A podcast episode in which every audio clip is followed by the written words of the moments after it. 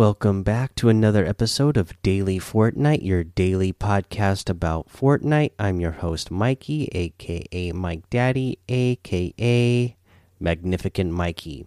So, first thing that we want to get to is this little update for Android. Says Android players, we've released a maintenance a maintenance patch that will require you to update the game. So if you are somebody who plays on an Android phone, uh, they did an update and you need to download it to be able to play the game right now. If you haven't done so already today, or if your phone didn't automatically do it for you. Also, they say hello all. Version 12.60 is scheduled for Wednesday, May 20th. Downtime will begin at 2 a.m. Eastern. Thank you for being among the agency's finest. So, at the time of this recording, by the time this uh, you know is released, it'll be just a couple hours away. So let's go ahead and talk about what these changes are going to be. Since uh, we have the email for it uh, right here, it says uh, Fortnite's 12.60 update arrives this week. Highlights include Spy Games LTM, Operation Infiltration is the newest Spy Games playlist and will arrive after the update at 9 a.m. Eastern. Extract the intel case from the defending team's turf or prevent your case from reaching the invading team's destination. Battle Pass Decisions. Reminder to finish up your challenges for this season's Battle Pass characters. Once the season ends, you won't be able to pick Ghost and Shadow variants for your characters. Lock in your look for Maya too. So, again, just a couple of weeks left, so that reminder is a good one. If you haven't unlocked your Ghost and Shadow versions of your outfits yet, uh, you know, you need to really start seriously thinking about it because once the season is over, you're not going to be able to. Uh, dynamic resolution for iOS. For iOS players, there's a new opt in feature to help you reach your targeted frame rate. Dynamic resolution adjusts the game's resolution automatically to maintain this targeted frame rate. Dynamic resolution can be turned on or off in the video settings menu on iOS. So again, uh, it just seems like they continue to really support the mobile game that they got going on, and uh, just continually uh, improve it and make it, you know, a an actual place to play, you know, Fortnite. You know, it's pretty amazing to me, and we've seen other games, other uh, shooting and battle royale games come out since Fortnite has you know full on released their game to mobile and you know actually have it be the game. Uh, and I just love seeing that Fortnite continues uh, to push this and just make gaming on the mobile space uh, better and better and, and and push that envelope and get other developers to start pushing the envelope so that uh, we get more you know better games on uh, on mobile devices. We got the Party Royale update as well. The Grappler and Jetpack arrive, and we've also made refinements to several existing attract attractions. Next week, so this is not in the update coming out tonight, but this they are just letting us know ahead of time. Next week, PC controller adjustments, controller tweaking, tuning, and investigation continues. We have some changes for next steps, but we don't want to release right before the FNCS Invitationals. Have a good week, the Fortnite team. Again, I think this is great.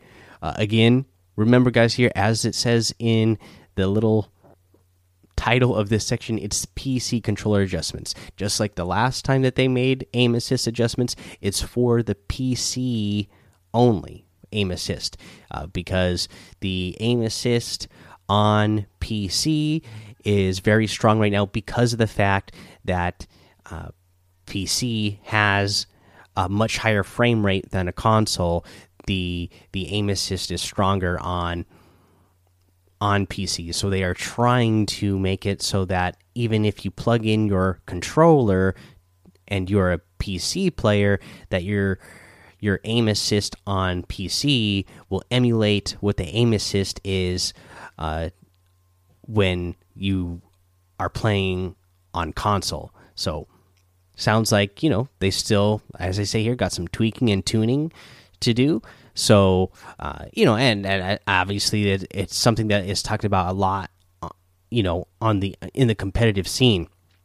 So this just goes to show that you know they have been, you know, even since the last update that they did to try to balance the PC aim assist on uh, PC that they've been they they have continued to look at it and see and they've been working on it to uh, you know continue to make it more balanced uh, for the competitive scene. Uh, and again it's just showing that they listen to the the uh, to the community uh, I know a lot of times uh, Fortnite team will get some flack for not listening when most of the time we can see that they listen, uh, but you know sometimes the online community just wants the change right away, not realizing you know that it takes a lot of work. Uh, I see a lot, you know, when you see a lot of people saying, "Oh, why don't they just change it?" Uh, you know, a lot of them aren't developers. In fact, I've never seen any developer uh, uh, have any of the criticism, uh, you know, saying, "Oh, well, just just change it. No, it takes work. It takes time. Uh, they're getting to it. Uh, you know, and I think they are making the right choice about not implementing a change right before the NF and FNCS Invitational Finals, the Grand Finals, because uh, you know, as with anything uh, th that goes with game development, you can implement a change and then you don't know what else it might affect. It could uh, really break something, and then uh, yeah, that wouldn't be.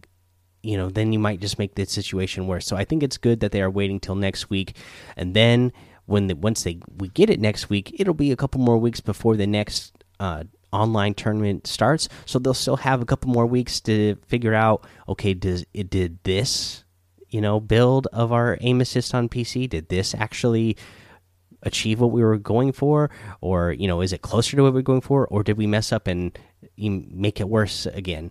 So uh, I think I think that was a smart decision to do it uh, the way they're doing it on the timing. So good, uh, good job, Epic. Uh, again, guys, uh, let's see here for challenges. Just keep grinding those out. They remind you there in that, but same thing with the overtime challenges. Go ahead and grind those. You can keep uh, leveling up, leveling up your battle pass. And let's go ahead and take a break here. All right, let's go ahead and go over this item shop. It looks like the Lava Legends pack has been removed from the item shop now, so hopefully you were able to get that while it was there if that was what you wanted. Uh, but for the normal um, part of the item shop, we have the Monk's outfit in here with that Peel Pack back bling for 1,200 V bucks. We have the uh, Paradox outfit that comes with the Eternal Back Bling for 1,500. The Vision Harvesting Tool for 800. The Equilibrium Glider for 500. And the Lace outfit with that cool Stitches back bling for 1,500. We have the Echo outfit that comes with the True Reflection back bling for 1,200. The Inversion Blades Harvesting Tool for 500 the Echo Jet Glider for 800, the Echo's Wrap for 300. We have the Chromium outfit uh, for 1200. I really like this one.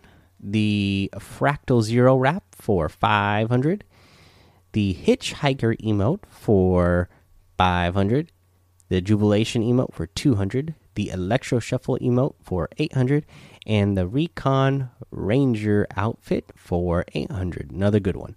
You can get any and all of these items using code Mike Daddy M M M I K E D A D D Y in the item shop, and some of the proceeds will go to help support the show. All right, uh, don't have a tip of the day for you today. My middle child was feeling a little bit tired and sick, so I laid down with him. And then I actually got really tired myself, so didn't really uh, look anything up but come join the daily Fortnite Discord. I just hopped on line real quick here, and I saw that uh, Mudcats, one of the mods from our community, uh, decided to randomly run some customs tonight. So. Uh, you know, it's a good place to uh, hang out because uh, you know the, the, there's a few of us in our Discord that have uh, you know that we are in the support a creator program.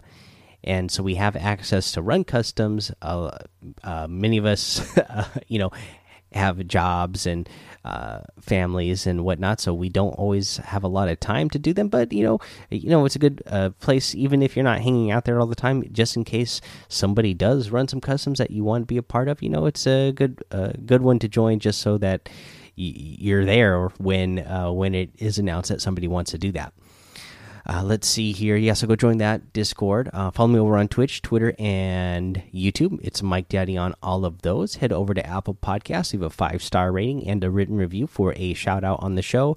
Make sure you subscribe so you don't miss an episode. And until next time, have fun, be safe, and don't get lost in the storm.